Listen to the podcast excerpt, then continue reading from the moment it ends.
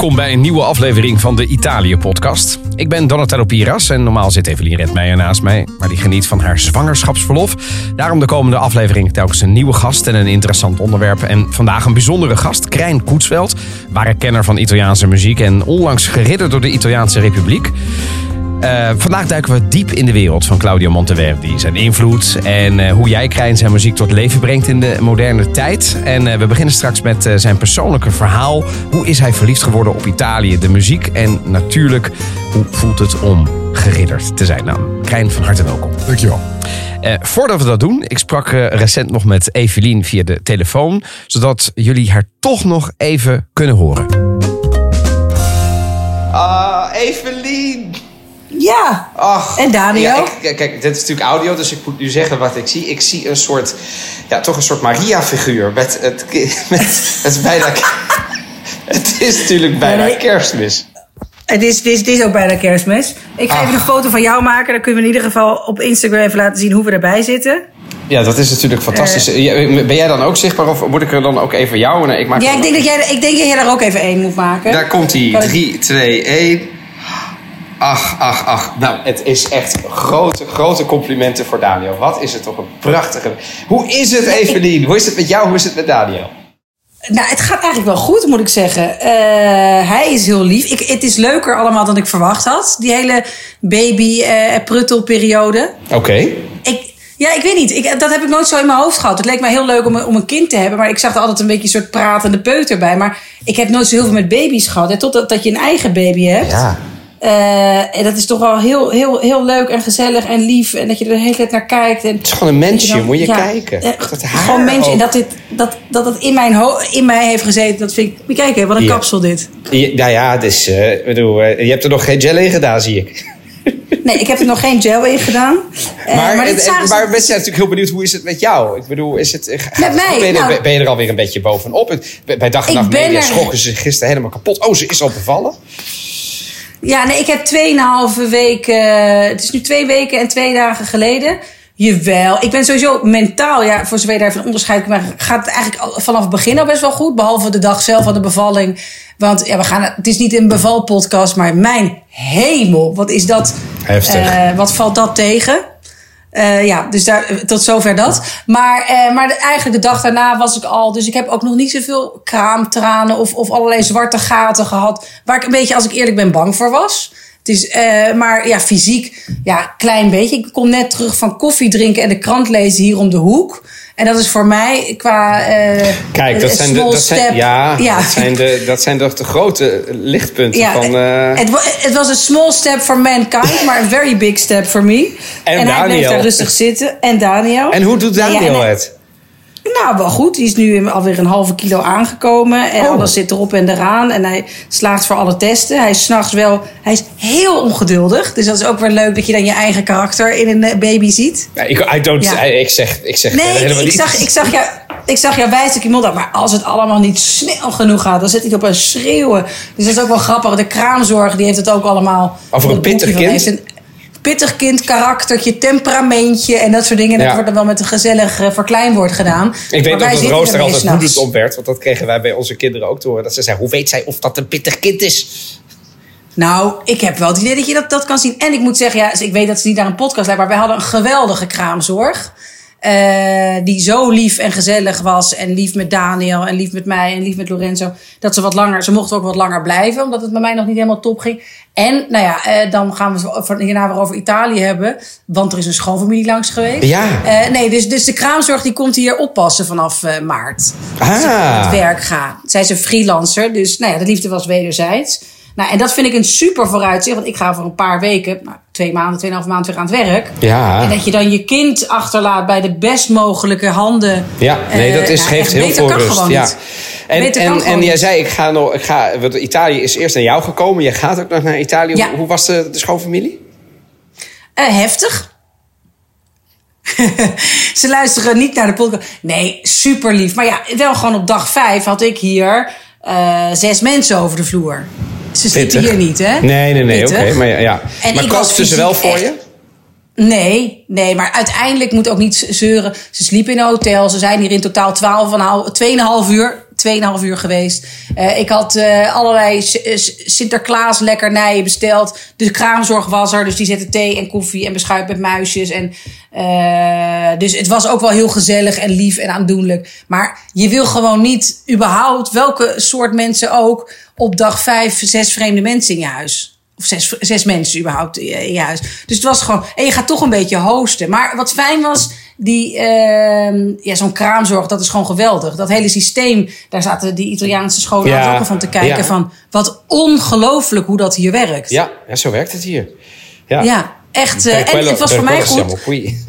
Esatto, want ik heb dus heel vaak de afgelopen tijd gezegd, toen Lorenz en ik een beetje aan het kijken, oké, we willen dit en wat gaan we doen? En hij, nou voor hem, gek genoeg, voor mij is werken in Italië een stuk logischer dan voor hem hier, maar dat, dat gaat inmiddels hartstikke goed. En ik heb altijd gezegd, maar ik wil heel graag, als ik een kind wil in Nederland bevallen, want daar is het zo goed geregeld, dan is het heel fijn om dan te kunnen laten zien dat dat inderdaad zo is Ja, met zo'n kraamzorg. ja, ja. Dus al onze Italiaanse vrienden die zitten echt zo, jeetje, wat, hoe, hoe werkt dat bij jullie? Wat, eh, wat een geweldig systeem.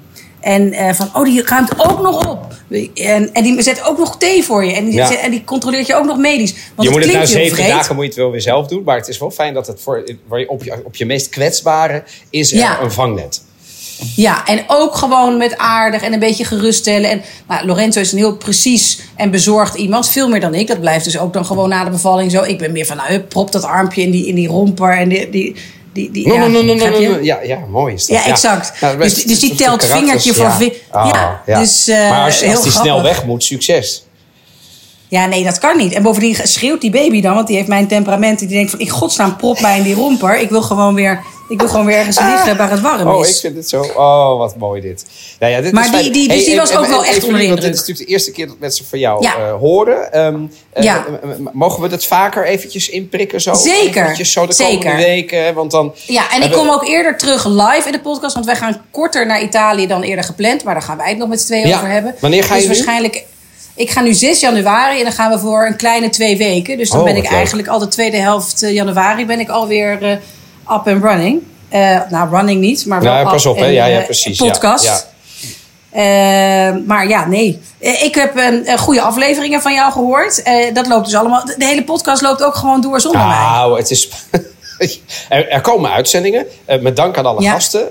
maar Ja. Het is natuurlijk niet hetzelfde als met Evelien. Hè? En je hebt ook, Nee, ook maar op dat, Instagram krijg je natuurlijk mensen. zijn. zo- hè, Van, het is niet zo... het is niet zo leuk als met Evelien. Die hoor je ook. Het was natuurlijk ook 50 minuten over voetbal is lang. Als je niet van voetbal houdt, dus dat weet je wel. Dus dat zijn nu de, eh, eh, eh, de mensen die nu luisteren. Die krijgen zometeen Krijn Koetsveld te horen. En dan gaan we het over Claudio Monteverdi hebben. Dus ja, daar moet je ook zin in hebben. Als je er zin in hebt, is het heel leuk. Maar het is minder Evelien. Maar dat hebben we nu heel even toch... Nou, wel Ja, een 7,5 minuut ondervangen. even, even Evelien. En Daniel. Kan die wat zeggen, Daniel? Die- Parla di Nou ja, qualcosa.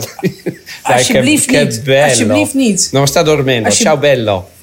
Ah, het is toch onge... Ja, het is bij... Dit wordt een soort Michael Jackson. Niet uit het raam hangen hoor. Met, soort, beetje... met blanket. Ja. Nou ja, ik vind, ik vind ook dat je mag. Maar ehm, nee, want we weten ook dat, dat de luisteraars van de Italië-podcast maken van hun hart geen moordkuil. Dus als ze het even wat minder vinden, krijgen wij het altijd weer te horen. Ja. Dat, daar- daar zijn wij inmiddels aan gewend. Zeker. Eh, ja, ik heb ook wel weer heel erg zin om het, eh, ja, om het over. ehm, om het over Italië te hebben, over nieuws. Ik heb vandaag voor het eerst de krant echt van helemaal weer gelezen. Dus dat, dat begint Kijk. ook wel weer een beetje te komen. ja, dus je hebt van de Eh, verkiezingen heb- zo helemaal gemist. Dus dat is mooi. Nee, dat valt dus wel mee. Want dat heb ik nog wel. Ja, nee, dat ik, snap heb, ik, heb ik, meer- ja. ik, heb die, ik heb die oorlog in Israël een beetje Ja, overgeslagen. ja, ja daar Dus, beginnen nu eh, eindelijk eh, wat, wat gijzelaars uit de ruil te komen. Dus, Ja, de- maar nou die ja. verkiezing heb ik zeker gevolgd. Maar het grappige is, dan vraag ik me af... en dan laat ik jou aan, je, aan de podcast. Ik vraag me dan af... Ik ben er dus... Mensen schreeuwen moord en brand dat het einde van Nederland nu in zicht is. Hè, mocht je dus niet op die partij hebben, op, op de PVV hebben gestemd.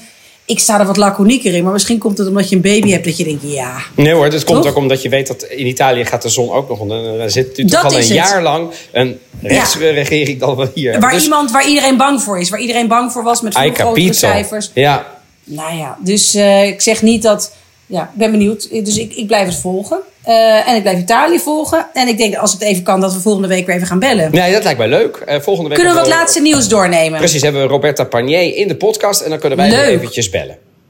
Ja, En dan oké, ga, horen je even hoe het is. Doe eh, een grote kus namens alle luisteraars aan Daniel. Mwah. Ja. Ciao bello. Saluta Lorenzo. liefs. Zal ik doen. En hou je goed hè. Ja, wij spreken volgende week. Ciao, ciao. Ciao, ciao. Ja, Krijn, welkom in de podcast. Laten we beginnen bij het eh, begin. Hoe is jouw passie voor Italië ontstaan? Uh, nou, er zijn eigenlijk twee fases. De, eerste fase is de Italiaanse muziek. Toen ik eh, op het conservatorium zat als jong jongetje. Ik eh, studeerde daar orgel en piano en klaversymbol en al dat soort spul. En toen bedacht de toenmalige directeur dat het leuk was om ons in andere muziek te verdiepen dan alleen maar wat voor de hand lag, zal ik maar zeggen. Ja, Monteverdi was in die tijd relatief onbekend. Dat Ja. werd eh, nauwelijks serieus. Dat werd wel gedaan. Het was ook wel uitgegeven, maar het werd nauwelijks serieus gedaan. Maar een paar mensen bemoeiden zich daar al mee. Dus eh, zijn we een week ondergedompeld geraakt in die, eh, in die muziek van Monteverdi. En eh, een van de dingen die ik me nog kan herinneren, dat we daar met alle studenten slagwerk en trompet en zo, die dus niks met vocale muziek vanuit de 17e eeuw te maken hebben. Zaten we in een, in een ruimte met mijn, eh, met mijn koordirectieleraar, Frans Monen. En die, eh, die vond dat wij een madrigaal moesten gaan zingen. Ik weet ook nog welk ma- madrigaal, Sfogave con le Stelle. En om de een of andere reden, en dat weet je, ik heb daar wel eens, want die vraag wordt me wel vaker gesteld. Waarom kwam die muziek natuurlijk zo, zo je, je, je hart, je lijf binnen? Dat, dat weet ik natuurlijk niet precies. Maar om de een of andere reden raakte me dat zo ontzettend. Terwijl dat eh, achteraf denk ik vreselijk geklonken moet hebben. Want er waren allemaal mensen die niet konden. En een aantal ook die niet wilden zingen. Oh, echt? Ja, ja, vast en zeker. Ik weet nog wel dat ik naast, naast een slagwerker zat. Ja, en die keek, die keek op het blaadje. En toen keek ik ook op het blaadje. En zag ik dat hij dat ondersteboven had. Echt? Oké, dan een goed begin. Maar toch, en nou ja, laten we dan maar meteen ook gaan luisteren naar dat eerste stuk van Monteverdi dat jij ooit luisterde. Je hebt het al aangekondigd. Het is Sfogava con le Stelle.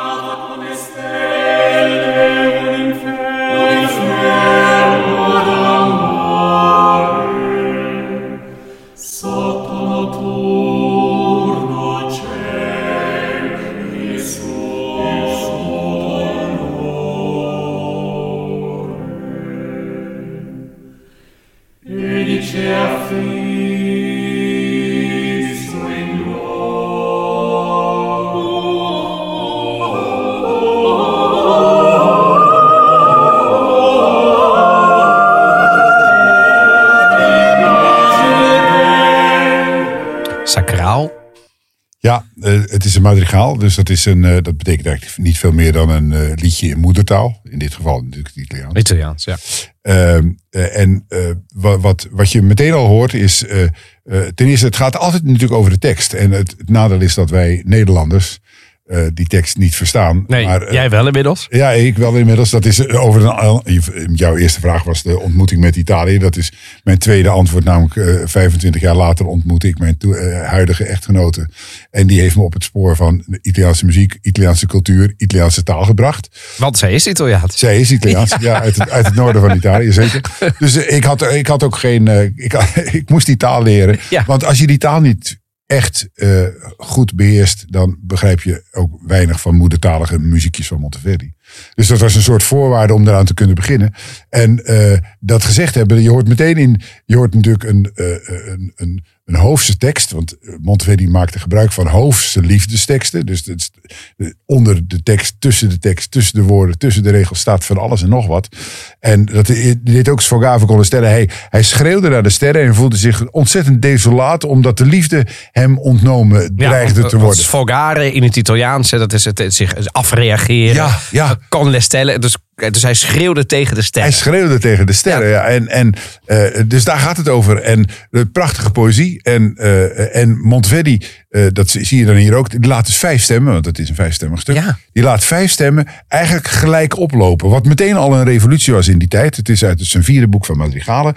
En dat was meteen al een revolutie. Want eigenlijk eh, de wetten van het madrigaal, zoals die in de renaissance geschreven werden. Die geboden andere dingen. Die Meer, meer polyfoon en weet ik veel wat. En hier zie je dus dat Monteverdi als daar op een kruispunt komt te staan. Van ik laat het vijf mensen gelijk oplopen. Je hoorde trouwens in het laatste stukje van het fragmentje. Hoor je tada, tada, tada, waar ze elkaar eh, eh, zeg maar herhaalden. Ja. Opvolgden. Precies. En dat was zo gecompliceerd. Die, die, die, die meerstemmigheid is dan zo gecompliceerd. Dat Monteverdi de, zeg maar de, de sleutel heeft gevonden om die, dat complexe eraf te halen. Samen met zijn tijdgenoten trouwens. Er waren ook mensen in, eh, in, in Firenze die zich daarover bogen.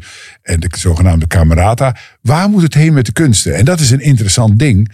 Want er zijn momenten in de eh, alle eeuwen geweest, en misschien ook wel in onze tijd, waarin je met serieus kan afvragen, waar moet het heen met de kunst? Hebben we alles al gezegd? Of is er iemand die weer een nieuwe inval Maar zelfs toen hadden ze dat al. Wat Zelfs- wij nu denken 2023. eh, eh, We hebben nogal wat meegemaakt, zeg maar, qua evoluties van muziek en de klassiek. En, maar zelfs toen al, 17e eeuw. Ja, ze stonden echt op een kruispunt. En de, daarvoor heet het Renaissance, daarna heet het barok. Barok, ja. En, eh, eh, en eigenlijk, En even voor de leek, hè, want het, niet iedereen is helemaal thuis in, de, in, in die muziekstromingen. Wat is nou, Karijn, het grootste verschil tussen aan de ene kant de muziek in de renaissance en vervolgens de barok? eh, een aantal dingen zijn aan de hand. Ten eerste, misschien wel het belangrijkste is dat het zogenoemde basso continuo, zeg maar gewoon de harmonische begeleiding, Ja? Wordt gegeven aan een aantal instrumenten. Dus er worden eigenlijk zangers afgehaald. Dus wat de, eh, de, de onderkant van het ensemble doet, wordt aan een bovenkant gegeven. Dat kan een tenor zijn, dat kan trouwens ook een bas zijn, kan een sopraan zijn. En die persoon mag in zijn eentje de tekst uitdrukken zoals hij dat wil. Dus je, je, bent, dan, je bent dan veel flexibeler. Ja. Je kan het veel persoonlijker maken. Want als je met z'n vijven bent, dat kan je hier ook horen. Waar wij enorm hard aan gewerkt hebben. eh, eh, ik bedoel, daar werken we elke repetitie re- werken we aan. Is dat die vijf stemmen als één stem klinken. Ja. Dus er kan er niet één uitspringen. Want Nee. dat hoort natuurlijk niet bij vijf stemmen. Nee, nee, nee, precies. Dat hoort, dus juist dat, dat, dat, die samenzang hoort zo unisono mogelijk te zijn. Exact. Maar dat was dus, dat, daar werd dus mee gebroken. Eh, eigenlijk, eigenlijk wel. Nou ja, Monteverdi die, die neemt daar niet helemaal afscheid van. Die zegt van, op sommige momenten in, Oh, ja. in, in een muziekstuk, denk aan een opera. In een, in een, want de opera ontstaat ook in die tijd. 1607 schrijft Monteverdi zijn eerste opera, de Orfeo. Ja. Daarvoor waren er al andere opera's geweest. Maar hij blonk uit, want hij werd ongelooflijk populair in zijn tijd. Want toen hij wegging van het Hof van de Gonzaga's in, eh, in eh, Mantua, toen ging hij naar Venetië om kerkmuziek te doen. Maar hij werd nog steeds door alle hoven, is in dat Noord-Italië, trouwens ook in Zuid-Italië, werd hij steeds maar gevraagd, schrijf een opera. Want hij was de man van de opera, waarin hij niet alleen dat solo zingen met begeleiding, door hoofdpersonen als bijvoorbeeld, laten we maar zeggen, de Orfeo. Maar is, ook in zijn opera zitten nog madrigalen, waarin het volk, de omstanders, eh, nou, noem ze maar op, eh, dus nog steeds een madrigaal zingen. En eh, dus die, die vermenging van oude en nieuwe stijlen, dat is een hele tijd zijn, ja, je zou kunnen zeggen, zijn handelsmerk geweest. Ja. En daar is die ongeëvenaard in. Ehm, nog even terug, hè, want je, je hebt, uiteindelijk heb jij eh, Claudio Monteverdi omarmd. Ja. Dat is overigens niet de enige die jij eh, eh, zeg maar, speelt en behandeld hebt. Maar we focussen in de Italië-podcast vandaag een beetje op Claudio Monteverdi. Ehm, even terug naar jouw, partner. Ehm, eh, eh, hoe, hoe Italiaans ben je geworden, zeg maar, sinds haar sinds de ontmoeting? nou, nou ja, weet, weet je, als, eh, laten we zeggen, ik ben, ik ben natuurlijk eh, gewoon een, eh, een simpel Hollander. En als ik al een Italiaan ben, ben ik een nep Italiaan. maar maar Maar wat, heb je, wat is er allemaal iets, zeg Nou- maar, veranderd in, in, in jou? Wat, wat, wat uiteindelijk, hey, als je met iemand trouwt, dan neem je dingen soms over. Soms ja, leer je dingen, soms leer je dingen en vergeet je ze weer. Maar, Nou, er zijn natuurlijk ongelooflijk veel dingen in die cultuur. Ik bedoel, in Italië is de schoonheid uitgevonden. En dat, is, dat heb je nu nog steeds. Ik bedoel, als we aan design denken.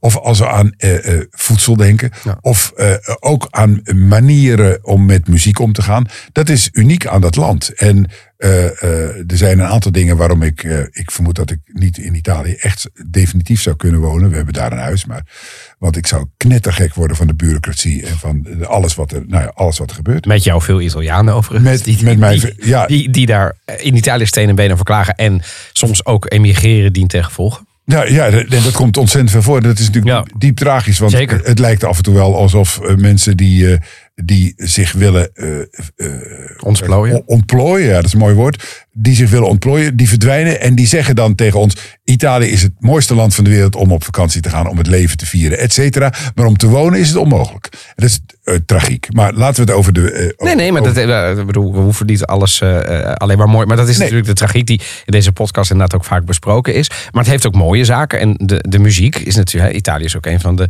van de, van de, van de, eh, van de kribbes van, van soort sommige muziek. Nou ja, we, kijk, als je naar die tijd kijkt waar we het nu over hebben. Als we even ons, zeg maar het jaartal 1600. Er waren natuurlijk godsdienstoorlogen. Nederland zat midden in de 80-jarige oorlog. protestantisme en het katholicisme. En eh, eh, eh, de, de, de, de, de toenmalige kerkelijke machthebbers in Italië. Die zaten natuurlijk in Rome. Daar zijn ze overigens tot op de dag van vandaag nog steeds ongelooflijk trots op. Ik kan me niet voorstellen dat hier de paus bijna elk telejournalen om acht uur s'avonds uh, dat er wel een item over de paus in zit. Maar dat, eh, dat ja, La RAI doet dat, de publieke Ja, om. ja, ja, ja, dat doen ze niet allemaal, maar zeker de RAI. die- Ja, Ja, die, ja, eh, oké, die komt die paus Ja. weer langs. Nou goed, hij, heeft, hij is nu een beetje ziekig, dus eh, vooruit maar. Ja. Eh, Ik had het begrepen inderdaad. Hij, hij kon nu iets niet bijwonen, geloof ik. idee, Ja. ja. Maar, dus die kerk die was almachtig. Die kerk had regels voor de comp. Dat was in 1600 het geval. De kerk heeft op een gegeven moment gezegd: al die nieuwe lichterij, dat, eh, dat, dat eh, eh, zagen we overal uit. Onder andere uit de muziek. Dus er werden regels opgesteld, letterlijke regels, zodat de muziekstijl bleef zoals die was. Palestrina is een componist vlak voor Monteverdi. En die, eh, die, die, heeft, die schrijft op een bepaalde manier. En dat wordt zeg maar het evangelie van het muziekschrijven.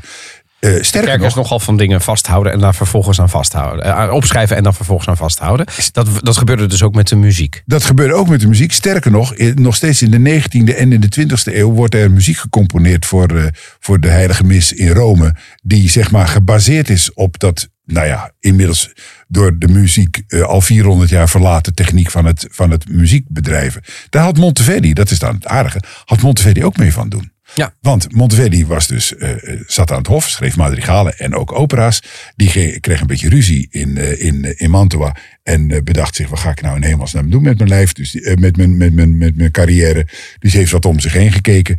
En toen werd het kerkmuziek. Toen heeft hij een jaartje heeft hij zo'n beetje rondgekeken. En is dus een kerkmuziekstijl gaan, gaan, gaan creëren. Die in Rome niet mocht. Het grappige is dat hij een een boek heeft geschreven met eh, misschien wel zijn, een van zijn beroemdste kerkelijke werken, de Maria Vespers.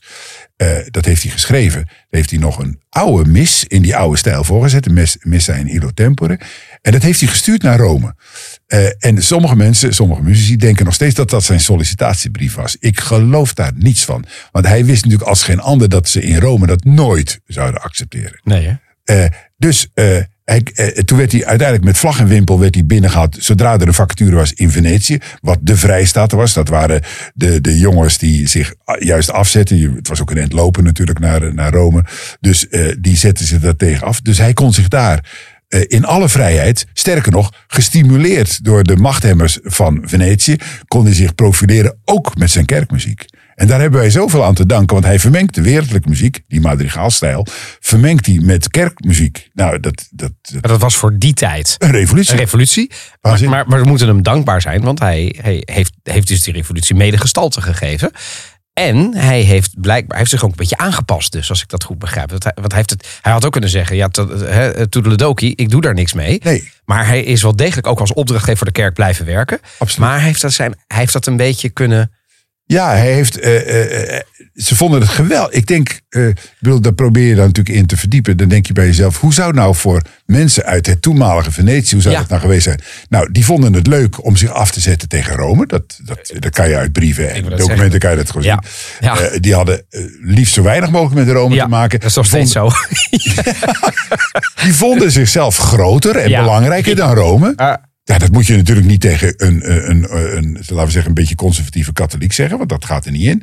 Maar ja, het was ver weg. Ja. En eh, ze konden daar hun gang gaan. Ze waren rijk. En, de, die rijkdom door de handel en de, nou ja, alles wat er economisch daar plaatsvond, was natuurlijk een enorme eh, eh, eh, eh, stimulans om zich zo te kunnen gedragen. Sterker nog, de Nederlandse componisten die weggejaagd werden door het protestantisme.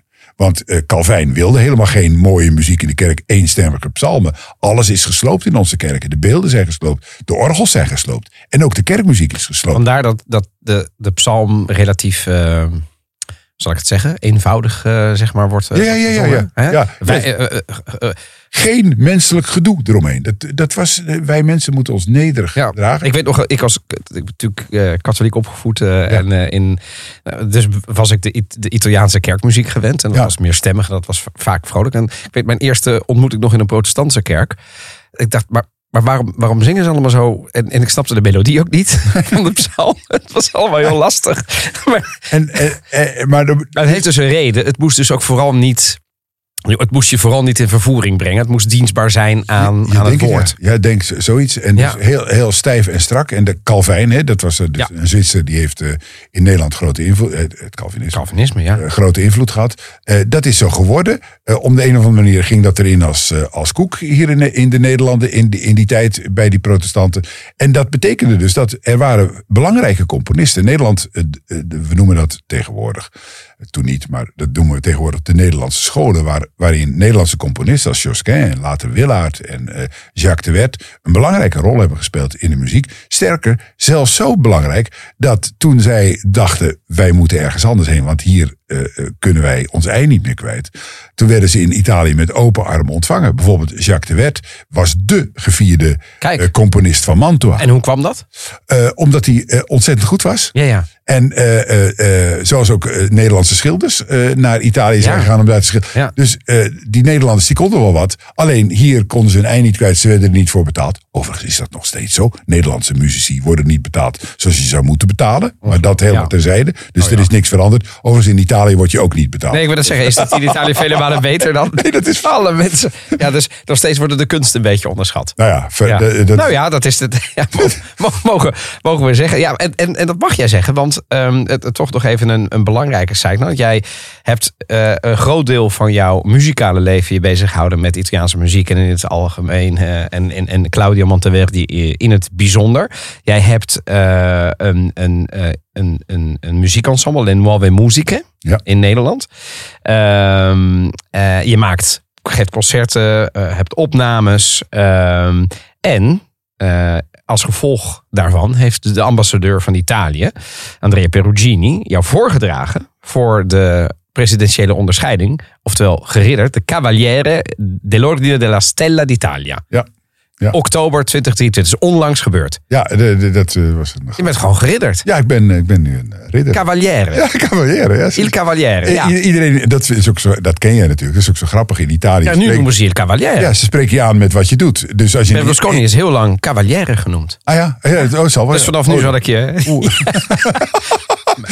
Met heel, ja, tot, tot, tot een zekere rechtszaak. Daarna hebben ze dat zeg maar niet meer gedaan. Maar, Ja. maar, maar, maar, maar de titulatuur in Italië is heel belangrijk. Ja. Hoe vond je dit? Nou, kijk, eh, eh, eh, ik moest er te- ten eerste een beetje om glimlachen, want het ging allemaal heel. Twee jaar geleden, ja, eh, Andrea Perugini kende ik goed. En die was, eh, die was onder andere, ik heb een eh, orgel laten bouwen naar, naar Monteverdi-stijl. Op een gegeven moment ben ik erachter gekomen van we moeten een ander instrument hebben. Het, mo- het zogenaamde Monteverdi-orgel ja, werd en, geboren. En Wat is het verschil, even voor de leek?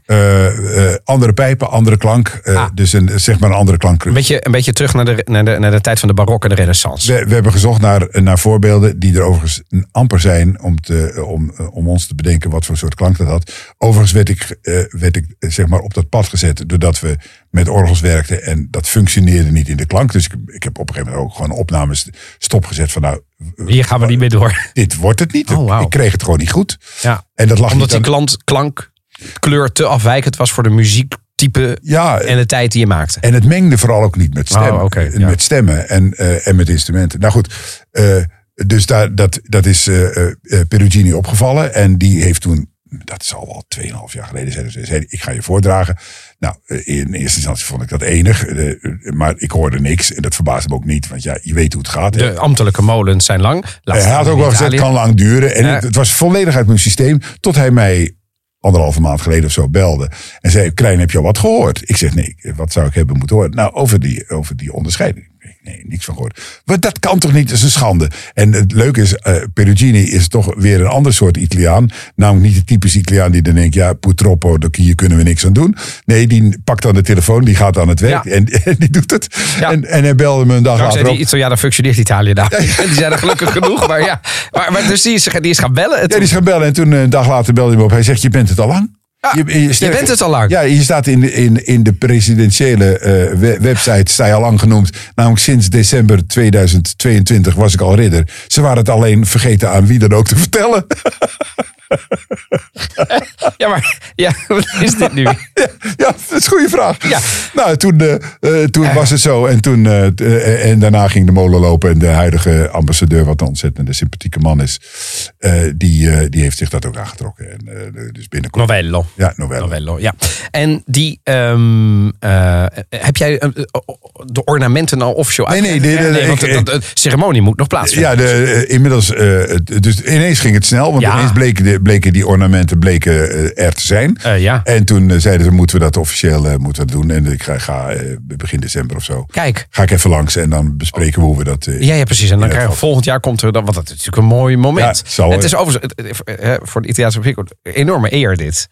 Ja, ja, Hoe nou ja. is dat als je, eh, als, het, als, als je die eert dan ten deel als buitenlander? Want het is normaal vooral voor Italianen natuurlijk. Ja, het, eh, ik heb me laten vertellen dat, ik het, eh, dat er nog een Nederlander is, maar niet uit de kunsten, die dat ook gehad heeft. En ik ben de eerste Nederlandse muzikus. En weet je, kijk, het is natuurlijk leuk, het is prachtig dat iemand dat opvalt. En eh, ik als ik terugkijk, dan denk ik bij mezelf, ik heb natuurlijk veel gedaan met die opnames en met het boek en met het orgel en Ja. van alles en nog wat. Ik heb wel veel gedaan. Als ik terugkijk, denk ik, ja, dat is wel bijzonder. Als je het aan het doen bent, is het helemaal niet bijzonder. Nee, oké, maar Want dat geldt voor zoveel. Dat zeggen vrijwilligers ook. En dan blijken zo jarenlang steun en toeverlaat van heel veel mensen te Exact, zijn. exact. Maar, maar als je nu terugkijkt, eigenlijk, als je, als je het helemaal plat slaat en je vraagt het mij als leek. eh, Jij hebt gewoon Monteverdi weer populair gemaakt in Nederland. Eh, ja, er, waren, er zijn ook andere. eh, Ongetwijfeld. eh, Die, die daar.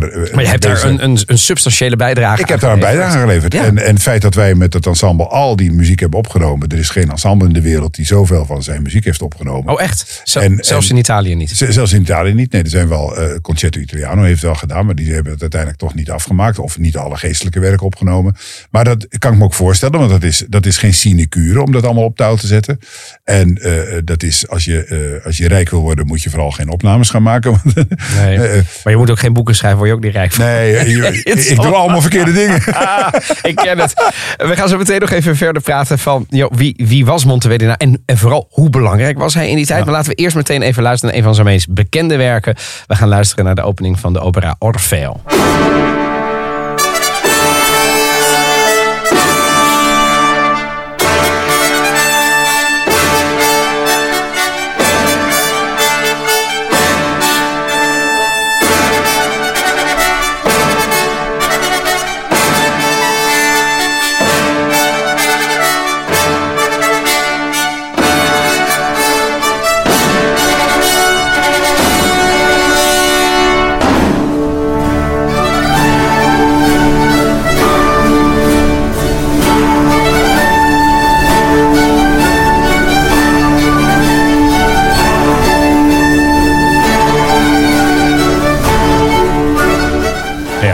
Opening van de opera Orfeo. Volgens mij heb ik eh, deze gevonden in, eh, in van een uitvoering in La, La Fenice in, in Venetië. Hoe toepasselijk. Waarom is, ik bedoel, dit was een van, van laten we even met Orfeo beginnen. Ja. Velen zullen het kennen natuurlijk. Wordt, Ja. de Orfeo wordt wel degelijk opgevoerd ook in Nederland. voor de mensen die het niet kennen en nu naar deze muziek luisteren. Nou ja, eh, eh, misschien van twee kanten bekijken. Als je je dus voorstelt, wat, eh, dit is als een bom ingeslagen ooit. Het feit dat zelfstandige instrumentale muziek is ook een van die dingen die dus ontstaat op de, op het, op de grens van de renaissance en de barok. Barok. De- deze instrumenten die, die we dan weer terug horen, hè, de, de trombones, maar niet trombones zoals we ze kenden uit de moderne orkesten, maar, maar, maar veel oudere trombones die veel slanker en veel, veel eh, hoe zou ik zeggen, lichtere, mengendere klank hebben. want dat al- kan prima met klinkt als stemmen. een klarinet af en toe. Ja, ja, ja, ja het, het, het is een hele aparte Een klank. hele He- het is een- lichte... ja, het zijn hele, eh, eh, zeg maar, slank gesneden instrumenten. Er zitten ook de, vroeger, ik denk dat ze niet met cornetten spelen zo te horen, maar met, met, met trompetten. En dat zijn hele lange, slanke instrumenten die dus een hele specifieke klank geven. Die totaal anders zijn dan wij ze tegenwoordig kennen. Ja. Dus toen wij die muziek weer gingen doen. En, oh, en dat is ook nog een aardigheidje. Op zijn titelblad staat dat hij twee, eh, eh, eh, twee houten orgels wil hebben. Oh, Dus niet, in Italië stonden ook orgels met metalen pijpen. En dat was overigens voor mij een reden waar Monteverdi daar echt iets over zegt. En dat ook op zijn titelblad van zijn, van zijn, van zijn, van zijn Orfeo zet. orgels met houten pijpen, want hij vond die klank zo mooi. Hij vond Van die houten pijp is mooier dan die metalen pijp. die, die prefereerde hij. Maar hij zegt er ook van, die zijn zo suave, die zijn zo eh, lieflijk, zo zacht, zo mooi. En wat wij dan constateren toen wij het orgel gebouwd hadden, het mengt zich ook zo prachtig Ah. met menselijke stemmen en met de instrumenten uit die tijd. Als je dit orgel, als je zo'n orgel zou zetten eh, eh, te midden van zeg maar de moderne trombones, de moderne trompetten, nou dan kan je net zo goed het Wilhelmus erop spelen, want je hoort, je, je hoort, je hoort het geen eens. Ja, en, en dus werd dat Monteverdi-orgel door jou gebouwd. Want Ja. dan, dan, dan, kunnen we er iets mee terug naar Orfeo. Het was dus ook qua, qua, qua, qua instrumentarium un- anders dan Ja. we altijd gewend waren. Ja, zeker. En het was, eh, dit was zijn eerste opera. Dit was zijn, zijn eerste opera. En eh, eh, hij heeft dat. eh, nou ja, dat, dat Ma- Mantua was een zeer vooraanstaand hof van de Gonzaga's in die tijd. Dus de- men heeft dat gehoord. En dat heeft het jaar daarna hebben ze hem gevraagd om de opera Ariana te schrijven. Die we er trouwens waarvan we de muziek zijn kwijtgeraakt. En we kennen maar drie opera's van hem. Terwijl we weten, als we een beetje verzamelen uit de brieven en de getuigenverklaringen. meer heeft. Heeft hij, heeft hij er wel 16 Ja. geschreven? En of jij zei, de muziek is kwijtgeraakt. is kwijtgeraakt. De bladmuziek. Ja. Maar hebben we wel nog stukken ervan? Of, of- Eh, nou, bijvoorbeeld de Lamento de Ariana hebben we. Die beroemde Lamento de Aria- Ariana hebben we nog. Ja. Dat, is de, die heeft hij ook weer bewerkt als maar. Die gaat dus ook overigens aardig. Eh, eh, dat, dat, zeg maar, dat eenstemmige stuk met begeleiding, waar ik het net over had. Dat werd zo populair. Dat werd ook gedrukt. Dat werd zo populair dat, eh, dat zijn uitgever, die ook in Venetië zat, ongetwijfeld heeft gedacht. kom op joh, Claudio. Maak het nou even vijfstemmig. Dan maken we er een madrigaal van. Want ik wil je, je zesde boek. Ja, het staat als eerste stuk in het zesde boek van madrigalen wil ik gaan uitgeven. Dan, dan zetten we meteen als eerste stuk de lamento erin. En dan maak je dat vijfstemmig. Dan is het toch een echt madrigaal. Dat heeft Madrigal en Monteverdi dan ook gedaan. Een fantastische vijfstemmige bewerking. maar de totale opera is kwijtgeraakt. Ja, de, de totale, ja. ja. de rest is weg. De tekst hebben we wel, maar de, de De tekst wel, maar de muziek niet. Nee, nee. En dus, men denkt nog steeds dat dat eh, ergens in, eh, in, in een bibliotheek in Venetië zeggen, moeten dat liggen. moet ergens afgestoft misschien nog liggen. Dat wordt natuurlijk fantastisch als dat ooit gevonden wordt. Er zijn mensen aan het zoeken, we- weet ik. En ik weet ook dat eh, Is degene... dat iets voor jou, krijgen? nou, ik ben niet zo'n muzikoloog eigenlijk. Nee, nee, dat ik, snap ik ik. doe het liever. Ja, ja, dat maar ik. weet dat er mensen aan het zoeken zijn omdat ze denken dat het in een bibliotheek ligt. En ze weten zelfs waar. Maar degene die dat huis en die bibliotheek bezit, die wil niet dat erin gegrasduind wordt. We gaan naar de Maria Vespers. Ja. Roditorium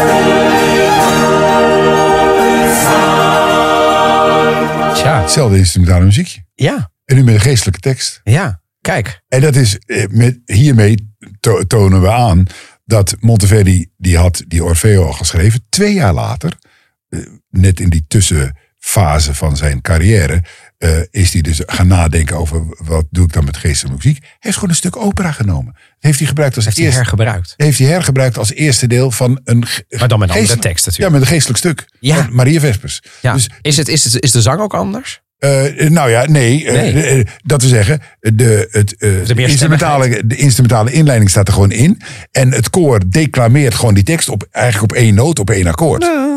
Ja, precies. Die blijven Die blijven gewoon, hangen. die, die, declameren dus de tekst. En dat blijkt te passen bij het instrumentale muziekje waar de Orfeo mee begint. Dus kerkmuziek en wereldlijke muziek, de grenzen vervaagt hij als het ware. Of, of, eh, En, en, en hoe moet ik dat lezen? Want we kunnen zeggen, eh, eh, we framen het als briljant, want hè, eh, eh, zo heeft hij op die geestelijke muziek. Je kunt ook zeggen, eh, oh wat lui, hij heeft, hij heeft gewoon niet, niet, niet, niet iets nieuws gecomponeerd. Nou, ik, eh, ik denk dat eh, je kan Monteverdi van alles noemen, maar niet, Maar niet lui. Maar die man die moest zo ontzettend veel schrijven voor al die liturgische feesten daar in Venetië. Maar even, waar- waren dat opdrachtgevers in die tijd? Werd je daarvoor betaald? Want Ja, ja, ik heb zeker. ook nog begrepen dat Ja. Monteverdi niet in, in zijn tijd eh, eh, dan moest hij weer eens naar het buitenland. Dan bleef zijn familie eh, achter. En dan hadden ze ook niet altijd evenveel geld. Kortom, hij, is niet, hij was in zijn, in, bij leven in het begin van zijn leven... was hij niet een hele rijke Nee, nee, zeker niet. Maar in, in, in Venetië had hij het goed. En dan kon hij echt hoge eisen stellen. Want inmiddels, toen hij dus in 1609, zou ik maar zeggen, werkeloos was. Toen hij gewoon zich teruggetrokken had uit het hof. Wat ook een heel gedoe gaf. Want hij is, dan had hij recht op pensioen. Wat ook, dan had hij dus recht op pensioen. Er zijn brieven bekend die hij aan Stridius schrijft van... Komt dat geld nou nog een keer? En weet ik wat. Dus er was al- altijd gedoe met geld. Maar ik, eh, wa- wat ik begrepen heb, dat, dat ging in Venetië ging dat eh, redelijk goed. Want het was de componist van, eh, nou ja, eh, in Venetië zijn ze natuurlijk de componist van de wereld. En met, met wat hij hier doet, het vermengen van geestelijke en wereldlijke muziek, het, het veranderen van de geestelijke muziek, het veel concertanter maken van de geestelijke muziek, dat vonden ze fantastisch. En dat vonden zijn tijdgenoten ook fantastisch. Maar ook zijn operawerk, hij is ook voor het, eh, zeg maar, het theater in, eh, in, eh, in Venetië, is die, eh, eh, is die operas blijven schrijven. Maar eh, er zijn ook aanvragen uit Lucca geweest, uit Pisa geweest, uit, nog steeds uit Mantua geweest. Dus allerlei hoven vroegen steeds aan, van hier heb je, kijk eens, hier heb je een prachtig script, maak er een, er opera, een van. opera van. En dat de- deed hij dan soms, maar Ja. eh, als hij... En werd hij daar dan goed voor betaald? Ik denk het wel, ja, want Hij, hij kon gewoon eisen stellen. Hij was echt beroemd. Inmiddels kon hij echt eisen stellen. Dus uit zijn, ja. Ja. Hij is dus niet zoals andere componisten arm gestorven. Nee, dat is hem niet nee, gebeurd. Nee nee nee, nee. Hij verdwijnt natuurlijk heel snel. Hè. Ik bedoel, dat was dan ook zo in die tijd. Ik bedoel, wij doen aan geschiedschrijving. Sterker nog, wij zitten hier te praten over muziek van 400 jaar geleden. Ja. En in die tijd, Dat is ook wel- eh, dat is ook wel- die, die muziek is in een kast gelegd. En eh, in 1650 hebben ze nog eh, een bundel samengesteld eh, die wij ook opgenomen hebben. En we hebben nog wat gegrasduind. Maar ja, eh, eh, van zijn opera's, ik zei het net, we, we kennen de drie. De, de andere dertien, we hebben geen idee waar ze liggen. Nee. Eh, als ze al niet gewoon echt verdwenen zijn. En dat geldt ook van zijn talloze, werkelijk talloze eh, eh, geestelijke werken. Want er was, waren elke keer eh, liturgische vieringen. Er waren processies waar de muziek voor Dus hij heeft ongelooflijk veel geschreven, gecomponeerd. Ja. Niet alles daarvan is bewaard gebleven. Nee. En van wat er bewaard is gebleven, voeren we ook niet alles even vaak op waarschijnlijk. Nee, nee, dat- maar dat geldt voor meer, toch? In de muziek. Ik kan me voorstellen dat als je puur kijkt naar hier in Amsterdam de Stopera. ehm, als je kijkt naar wat die jaarlijks uitvoeren. eh, maar, maar ook, de, de, ik noem ook Arena di Verona, ik noem ook La Fenice. Ik noem, hè, eh, eh, dat is maar een fractie van wat er allemaal bestaat natuurlijk. En sommige dingen zijn heel populair geworden. Ja. En sommige dingen zijn absoluut niet populair te krijgen. Ja. Wat is dat toch? Ja, ja eh, ik weet niet. Misschien zit het aan de ene kant aan de aanbiederskant. Dus zeg maar aan de, aan de programmeerderskant. Dat wij zoeken naar veiligheid. Want eh, laten we het niet onderschatten als, eh, als muzikus of als muziekbedrijf. Dat is de Stopera tenslotte ook. Zeker. eh, dan ben je ook afhankelijk van, als je zalen niet vol zitten. Ja, als jij een opera zeg maar plant en iedereen oefent hem en studeert hem in en het ensemble enzovoort. En Ja. vervolgens heb je een, een half lege zaal. Ja, dan. Dan is het een drama voor iedereen. En sommige stukken zijn ook niet voor niks beroemd geworden. En sommige stukken hebben niet voor niks het recht dat publiek eh, dat elke keer weer wil horen. De- Denk aan onze eh, traditie die hierin, vooral in Nederland, ontzettend sterk is. Ik bedoel, straks is het... Komt Bach. eh, ja, Ja. straks is het weer Pasen. Ja. En wil iedereen de Matthäus nu anders Matthäus. Passion. Ja. Ja. Wat natuurlijk ook prachtig is. Dat is natuurlijk Ja. ook prachtig. Ja. Ja, tuurlijk. Ja, dus, en dat is uniek in zijn soort. Want je kunt niet 18 andere componisten vinden Nee. die iets soortgelijks hebben gedaan. Exact. Ja. En- en dat- geldt dat ook voor Monteverdi? Ik denk, ik denk het ook. Ik, kijk, eh, eh, ik heb net eh, een paar keer de Maria Vespers uitgevoerd met het Nieuw Bach Ensemble en, en de zangers en spelers van Nuovo Musica. En dat is, ik bedoel, iemand uit het publiek en in een recensie stond het ook. Dat stuk is zo overrompelend. Ja. Dat is zo groots. Maar Het doet iets echt met je. Absoluut, dat, als je daar in die zaal zit. dat is zo, dat is zo ingenieus hoe die met de- die tekst omgaat. Hoe die de, de volgorde van het ene stuk naar het andere. Er zit, zit ook concerti in. Dus waar één stem, een- of soms twee stemmen, hun, ei- hun eigen tekst hebben. Eh, dat is zo briljant gemaakt. Tegelijkertijd, als ik bijvoorbeeld eh, de opnames die we gemaakt hebben van eh, Selva Morale en Spirituale. Dat is een bundel die hij zelf heeft samengesteld in 1634. En daar heeft hij dus zeg maar volgens mij is hij naar zijn kast gelopen heeft, en hij mocht dus een bundel samenstellen. En heeft een aantal mooie stukken eruit genomen. En daar, de, eh, eh, dus totaal niet compleet, maar gewoon allemaal kerkmuziek die hij daar had liggen, zijn in een bundel gestopt. Laat me blij zijn dat zijn uitgever zei, joh, Ja. Eh, eh, Hup. doe dat nou eens Ja. even leuk. En in 1650 hebben ze iemand anders naar diezelfde kast gestuurd. Haalden nog wat stukken uit die we nog niet hebben uitgegeven. Tweede bundel. dat ja, tweede bundel. En dat zijn dus twee eh, zeg maar documenten geworden. Omdat die uitgegeven zijn, hebben we ze natuurlijk wel. En de rest is in die kast gebleven. Daar heeft natuurlijk veel meer in gelegen. Ongelooflijk. En, en eh, ik bedoel, Selva Morale Spirituale zijn van, er zitten ook van die parels tussen. Het zijn allemaal losse stukken. Dat is het verschil met de Maria Vespers. Daar heeft hij zelf als het ware een groot stuk van gecomponeerd. Maar je kan, als je een beetje smaak hebt en een beetje goede wil hebt, kan je met andere stukken kan je ook een soort van vesper maken. Want die psalmen die, komen allemaal terug. Je kan solostukken daarin pl- planten. Dus eh, wat dat betreft is er nog een hele wereld. eh, Nee, dat is interessant dat je het zegt. Ik, ik heb in, in, in voorbereiding op, op, op deze podcast eh, gisteren tijdens het in elkaar zetten van een IKEA-kast voor mijn dochter. heb ik even geluisterd op, eh, eh, op Spotify. En toen kwam ik eh, het volgende tegen. Il Vespro della Beata Vergine. Even luisteren. Deus in adiutorium meum intende.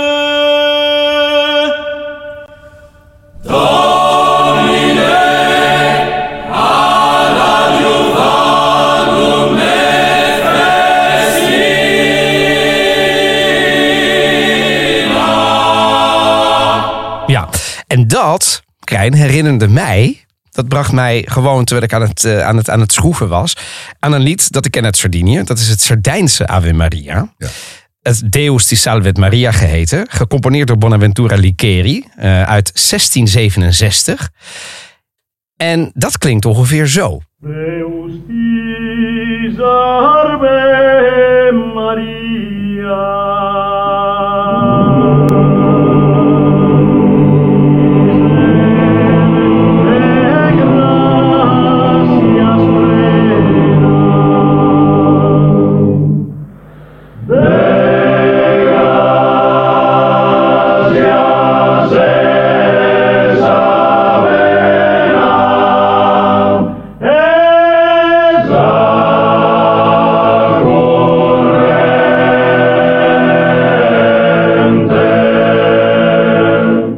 Ongetwijfeld niet hetzelfde. Het zijn ook geen tijdgenoten van elkaar. En, en, en overigens, de, uitvoering van het tweede stuk is qua, qua geluid ook een stuk minder dan het eerste.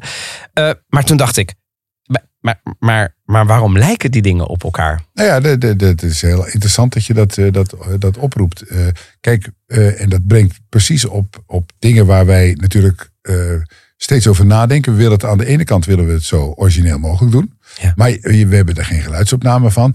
En die eerste opname die je liet horen is denk ik van een Franse, Franse dirigent. Klopt? Ja, klopt. Ja. Van eh, eh, ik heb zijn naam. Claudio La Temp even kijken hoor. La Tempesta. Ja, ja. La, La Tempesta. En onder leiding van eh, Simon Pierre Ba- Bestion. Bestion. Ja, natuurlijk. Ja. En, eh, en kijk, en wat, wat, wat, wat zij dus zeggen van eh er waren invloeden uit, eh, zeg maar, uit andere, eh, andere manieren van zingen. Dus wat hij doet is een andere manier van zingen. Die, een manier van zingen heeft zich door de jaren, door de eeuwen heen, moet je zeggen, heeft zich ontwikkeld. Het bel canto van de 19e eeuw, Ja. de- natuurlijk wat we gebruiken voor de operastem, waarin veel vibrato en dergelijke. Wat ik met de zangers heb gezegd, wij moeten vibrato als een versiering gebruiken en niet als een stijl van zingen. Dus daar moesten ze al anders zingen. En wat, wat Bestion zegt, van ja, maar we kunnen ook andere invloeden, dan, eh, dus zeg maar meer ja, bijna Noord-Afrikaans aandoende eh, eh, invloeden daarin eh, eh, eh, eh, De muziek verwerken. Ja, de- eh, eigenlijk wel. Maar er zijn natuurlijk, eh, dat kan je zien, eh, ga naar eh, Sicilië toe. Er zijn natuurlijk heel veel invloeden geweest van Sicilië. Ja, zeker. Eh, Ja. eh, eh, eh, en eh, eh, die zijn op allerlei manieren terechtgekomen. En dat is dan een keuze die je, eh, die je als muzikus moet maken. Van welke weg gaan we in om die muziek dan te laten horen? Ik, eh, ik kies niet voor die weg. Om, het, zeg maar, om daar een soort van volksmuziekachtige eh, eh, eh, Precies, hè, want dat wordt het dan. ja, Ja. invloed erin te, te hebben. Maar als je aan mij zegt, weet je dat zeker? Nee, natuurlijk weet ik dat niet zeker. Precies. Maar dat was interessant dus, hè? want, want, want, Absoluut. want zo'n zo'n zo'n componist, Licheri, dus Neoneli, Sicilië, 1667, bleek zijn opleiding gevolgd te hebben aan het Jezuïetencollege in Cagliari en in Sassari. En dat zou natuurlijk wel kunnen, want ja, in die tijd hadden ze niet een muziekbibliotheek, ze hadden al helemaal geen Spotify. Ja. Dus wat er, wat er waarschijnlijk daar eh, werd gezongen waren sacrale zangen. Dus het zou best kunnen natuurlijk dat die Maria Vespers tot dat Jezuïeten college waren doorgedrongen. Dat is niet zo gek. En als je Oh, dan iets opnieuw zou moeten componeren, dat je je dan ongelooflijk laat beïnvloeden Ja. dus wat je bestaat. Tuurlijk. Dat zou kunnen. Nou ja, kijk, eh, eh, eh, eh, een van mijn uitgangspunten, van onze uitgangspunten, is declamatie. Dus je hebt een tekst en die moet je declameren. Ja. Eh, want eh, dat, dat, nou, dat is logisch. Want eh, als je dan ziet dat het op één noot stond, hè, eh, maar zowel die ene uitgave die jij nu net liet horen, of die ene muziek, als de, de Monteverdi Vespers muziek, geldt hetzelfde voor. Er wordt gedeclameerd. Er wordt gewoon een tekst. Er wordt En- gewoon ge- ja. ja, wordt gewoon gedeclameerd. In een bepaalde context. Ja. Harmonische, eventueel melodische context. Eventueel met of zonder instrumenten. Maakt allemaal niet uit. Eh, dat feit, eh, eh, dat voerde dus de boventoon. Dus je moest in je, in je declamatie moet je duidelijk maken wat de zinsconstructie is. Eventueel als het eh, barok is, dat is nog zo'n ding. In ba- barok laat je heel erg je subjectieve emoties, dus je su- su- subjectieve gevoelens over die muziek, respectievelijk over die tekst, kan je laten horen, maar dan op zodanige manier dat het ook weer niet romantisch is, waardoor wij eh, zeg maar eh, eh, uitbundige eh, vibrato, uitbundige eh, eh, overdreven vormen van, van dynamiek, maar gewoon de tekst bepaalt in welke dynamiek het gaat. Dus je interpreteerde de tekst. Ja, je en dan niet als een soort trucje of als een versiersel. Maar, maar je interpreteerde de tekst zoals jij hem op dat moment Ja. Wilde declameren. Ik zeg heel vaak tegen die zangers ook van, de vraag is natuurlijk hoe hard gaan we het? Ik bedoel gewoon heel plat. Hoe hard en hoe vlug? Ja. Eh, dat ja. zijn toch de meest fundamentele dingen. Die, het moet ook nog een beetje zuiver en zo, nog een beetje gelijk. Ja, maar dat- daarna moet het hoe hard en hoe vlug. je dat vaak wel toe. En, en, maar eh, dan proberen we door in het repeteren, proberen we te zeggen van, als je de tekst goed begrijpt en als je goed begrijpt wat je wil uitdrukken, dan volgt de die dynamiek. In plaats van in de romantiek zegt de, de, de componist, dit moet oerend hard. Of dit moet fluisterzacht. Die zet dat erbij. Je zet dat erbij, bovenin, fortissimo, Hoef je er niet meer over, hoef je ja. niet meer over na te denken. Ja. En, En hier is dat dus anders. ja, hier is het anders. Dan komt de, eh, die dynamiek. Dan zetten ze er ook. Nou, bij Monteverdi zal je hoe vaak? Twee keer of zo zou je vinden dat hij een keertje zegt van dit moet zachtjes. Of dit mag je zo hard zingen als je kunt. Dat is, enkel keer staat er wel eens boven dat het eh, Ja, ja, ja. met, ja, met, eh, ja. met forte gezongen Ja. moet worden. Maar er staat er zelden boven, want de rest geeft de tekst en eh, gesteund door de harmonie wel aan. Ja. Dus als je moet declameren, dan weet je dat je klemtoon ligt daar. Vaak ondersteunt hij dat door een bepaalde samenklank. Nou, doe dan maar gewoon wat er staat. Ga niet tegen de, de, de declamatie in. En ga ook niet tegen de, de, de, eh, zeg maar de De ontwikkeling. van... Ja. ja. Nou, en eigenlijk is dat heel, nou, het is relatief simpel. Hoe, hoe belangrijk is tekst? Sorry? Hoe, belang, hoe belangrijk is tekst? Eh, De, de tekst is de, de, de, staat bovenaan. Staat En, en bovenaan de muziek zelfs. volgt. Terwijl in de renaissance was het eigenlijk net Ja. andersom. Dan heb je, eh zeg Dus dat is ook een verschil. Absoluut. Renaissance en, en barok. Je kan bij wijze spreken, ik heb eh, op mijn, in mijn conservatoriumtijd was een van de verplichte vakken waar moest je contrapunt schrijven. Dus eh, vierstemmig. en dat moest dan aan regels voldoen. Nou, Ja. Zat je leraar, daarnaast schreef je, daar was je de hele week mee bezig. Nog een heel gedoe trouwens, maar goed, was het klusje klaar. En wat je dan kon doen, eventueel, zet je, oh, was je klaar. Als het klusje, klusje klaar is, kon je er een tekst onder zetten. Eh, bijvoorbeeld een geestelijke tekst, Kyrie. Nou, zetten we hier Kie, zetten we daar Rie en dan zetten we daar Eleis op. Kyrie eleison had. Was, ja. Ja. op een ander... Op, op, Op dat melodietje op wat je gemaakt had. melodietje. Maar ik was dus begonnen, ik was dus begonnen met het melodietje. Terwijl als je later in de tijd bent, dan begin je eigenlijk, wat, wat is de tekst? Wat is de betekenis Wat van de wil ik eigenlijk vertellen? En welke noten zijn er nodig om dat nog sterker te maken? Ja. Maar dan, dan komt muziek en poëzie weer samen. Absoluut. Ja, nou, waarbij poëzie dus de, de, de leidende factor is. Ja. En, eh, en eh, En zijn er samenwerkingen tussen dichters en componisten? die zijn er zeker. Eh, eh, Monteverdi was, eh, was eh, dol op een paar oude, eh, oude jongens die al dood waren toen hij eh, componeerde. Bijvoorbeeld Petrarca. Ah, ja, Petrarca. natuurlijk. En Petrarca was natuurlijk, nou, je zou kunnen zeggen, de uitvinder van de eh, poëzie. Met zijn, eh, met zijn, eh, zowel zijn poëzie als eh, zijn, zijn dichtvorm, hè, de, de sonnetten. Eh, eh, in de tijd van, eh, van Monteverdi, wat ik denk gezien de, hoe vaak ik hem eh, tegenkom in zijn madrigalen, Torquato Tasso. eh, een vos, v- volgens mij zou die, zouden we hem nu een, eh, was het of een ADHD'er of weet ik veel wat. Eh, of hij zat in het, in het autistisch spectrum. Hele rare kerel die op een gegeven moment, acht jaar waren ze me kwijt. Toen dachten ze, nou die is dood. En toen kwam die na acht jaar, kwam die weer, had hij zich verstopt in de Apennijnen ergens. Toen kwam hij weer naar voren. En, maar eh, eh, Je- Jeruzalem Liberata is zijn, zijn, zijn grote opus een fantastisch stuk. En Monteverdi pikt dus een aantal van die dicht, eh, Het gedichten. bevrijde Jeruzalem. Ja, het bevrijde Jeruzalem. En, maar er zitten ook allerlei eh, verhalen met Tancredi en Clorinda. Die vechten met elkaar. En die, nou ja, de, eh, allerlei omstandigheden worden in dat grote opus be- belicht. En Monteverdi pakt daar teksten uit om die te gebruiken voor zijn madrigalen. Omdat het zo... Kijk, zie je. En dus Toch tijdens, die kruisbestuiving. Absoluut. Ja. Guarini, dat is, laten we zeggen, poëtisch van wat. Wordt het, als, het wordt alsmaar simpeler in die tijd, de poëzie. De, maar Guarini was heel populair. Il Pastor Fido is ook zo'n enorm werk waar heel veel componisten uitgeplukt hebben. Eh, nou ja, dat is een wat platter vorm van eh, poëzie dan, eh, dan Tasso en Petrarca. Maar desalniettemin heel bruikbaar. Kan jij hebt ook gewerkt aan het project Tre Donne. Ja, Dat zich richt op, laten we zeggen, de verborgen muziek van drie hofdames. ja. Uit wel, welke tijd en waarom ben je dat gaan doen? Eh, nou ja, eh, ook weer toen ik dat jongetje was die net van het eh, conservatorium afkwam. Toen dacht ik, wat moet ik nou in hemelsnaam gaan doen? Eh, eh, behalve een beetje lesgeven en wat concerten geven, weet ik veel.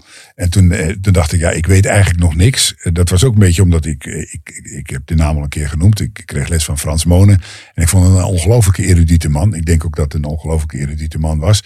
Dus toen dacht ik bij mezelf, ik moet ook maar een beetje erudieter worden. Toen heb ik mij de, de, de, de, de Oxford History of Music aangeschaft. Dat Kijk. zijn hele grote dikke boeken. En, eh, Zo klinkt het wel. ja, ja, dat, dat, dat echt. Ja. Nog steeds, ze staan nog steeds Ja. in mijn kast. Dus volgens mij is dat een halve meter boek. Ja. En eh, die heb ik, eh, ben ik gaan lezen. En toen kwam ik dat verhaal van die Tre Donne tegen. In Ferrara, in het Hof van Ferrara, hebben zij gebloeid, zou je kunnen zeggen. Zo in de, aan het eind van de 16e eeuw. En die drie vrouwen, die hebben een naam gekregen. En die drie vrouwen, die zijn door Alfonso, dat is, was de toenmalige hertog van Ferrara. Eh, Gestimuleerd om niet alleen musica segreta, dus in het geheim Oh. als een soort van hobby. Ik stel me voor, ja, wat hadden die vrouwen te doen aan het hof? Ge, ge- wij zouden zeggen- Mochten die überhaupt musiceren? Mochten die stiekem. Ja, Ja, stiekem. Ja, nou, dat, dat dat ze zeggen, al- als ze al een naam kregen. En de, de concerten waren gewoon voor binnenshuis. Ja, oké. In het kamertje van het Hof. Toen zei die, eh Alfonso, wat een onzin. Want die, die was kennelijk erg onder de indruk van hun muzikale capaciteiten. En toen mochten ze ineens optreden. En dat, Maar binnen het hof. Eh, nee, ook, Ook buiten? ja, Kijk. Ze zijn, ze, ze, Wat in die tijd best wel uniek was, toch? Absoluut. En eh, waar wij altijd zeggen dat in de 19e eeuw met Aletta Jacobs en zo de eerste eh, emancipatiegolf was, dan zeg ik, eh, we vergissen ons 300 jaar. Want de eerste emancipatiegolf, nou je kan ook nog zeggen Hildegard van Bingen, dat is nog weer vroeger, veel vroeger. Maar eh, dit was echt een voorbeeld van dat dus iemand zegt van we moeten die vrouwen laten horen. Want die kunnen iets wat uniek is. Ze konden enorm virtuoos zingen. Daar heb je ze. Zullen ze zijn?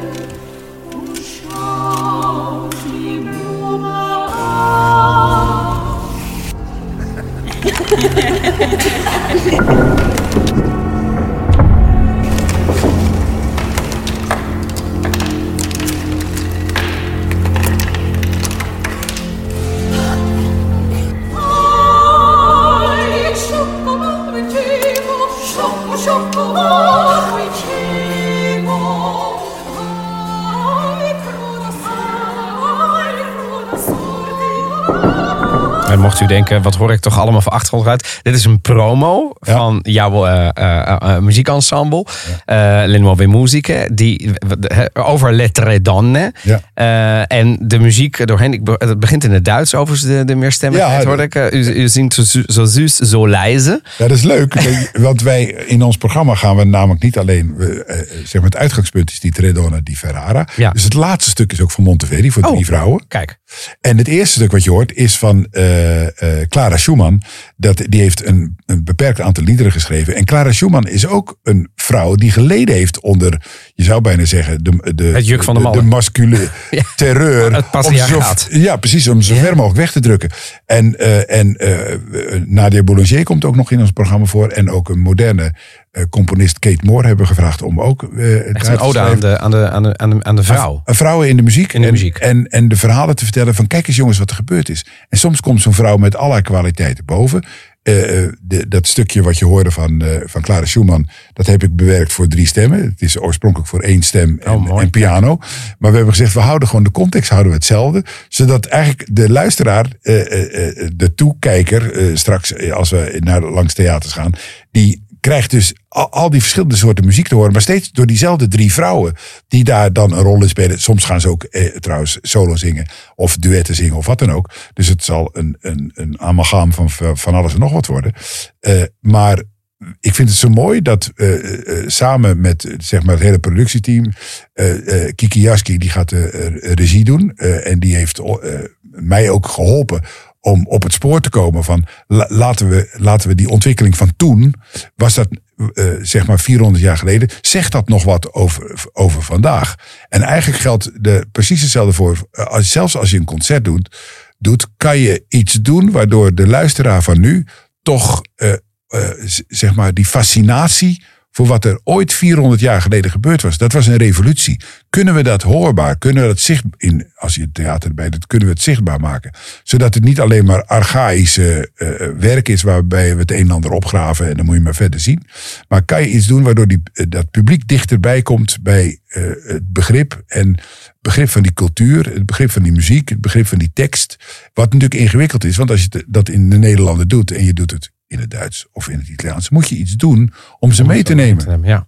En, eh, nou ja, En eh, eh, wanneer kunnen we ehm, hier iets van in het echt gaan beluisteren? wij, wij, wij, we weten nu zeker dat we het kunnen gaan doen, want de, de subsidiegevers, Kijk, ja, dat- fondswervers hebben hun werk gedaan. En dat, Waarvan akte? Ja. waarvan acte, hartelijk, hartelijk, hartelijk. Ja, Ja, je moet ze ooit bedanken ja dat zeker. Nou, dat doe ik dan nu. Nou, bij deze, ja. Ja, ja. En, eh, en we, gaan, eh, we gaan in mei repeteren en in mei vindt de première plaats. En dat, Mei 2024. Ja, en dat gaat en, dan ook en, door En, en waar kunnen we eh, vinden eh, waar we kaarten kunnen kopen enzovoort? op de site van eh Le Nouveau Musique. Leenwovermuzica.nl is Ja, dat? zeker. Geen punto .it. Nee. Nee, deze is heel goed.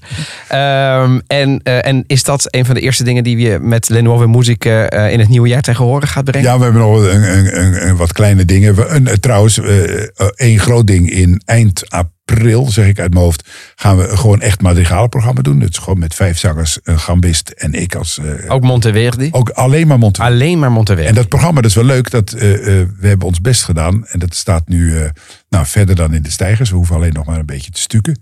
Ehm, eh, eh, dat, dat hebben we genoemd de allermooiste. Dus we hebben uit de alle boeken van, van Je Monteverdi... moet het ook een beetje verkopen, toch? hebben we het allermooiste gekozen. Dat was Heidens werk. Ik schrijf in mijn toelichting direct. dat wij, eh, we, toen we klaar waren met de allermooiste zoeken, dat we toen vijf programma's van twee uur hadden. Wa- Wat een beetje lang is.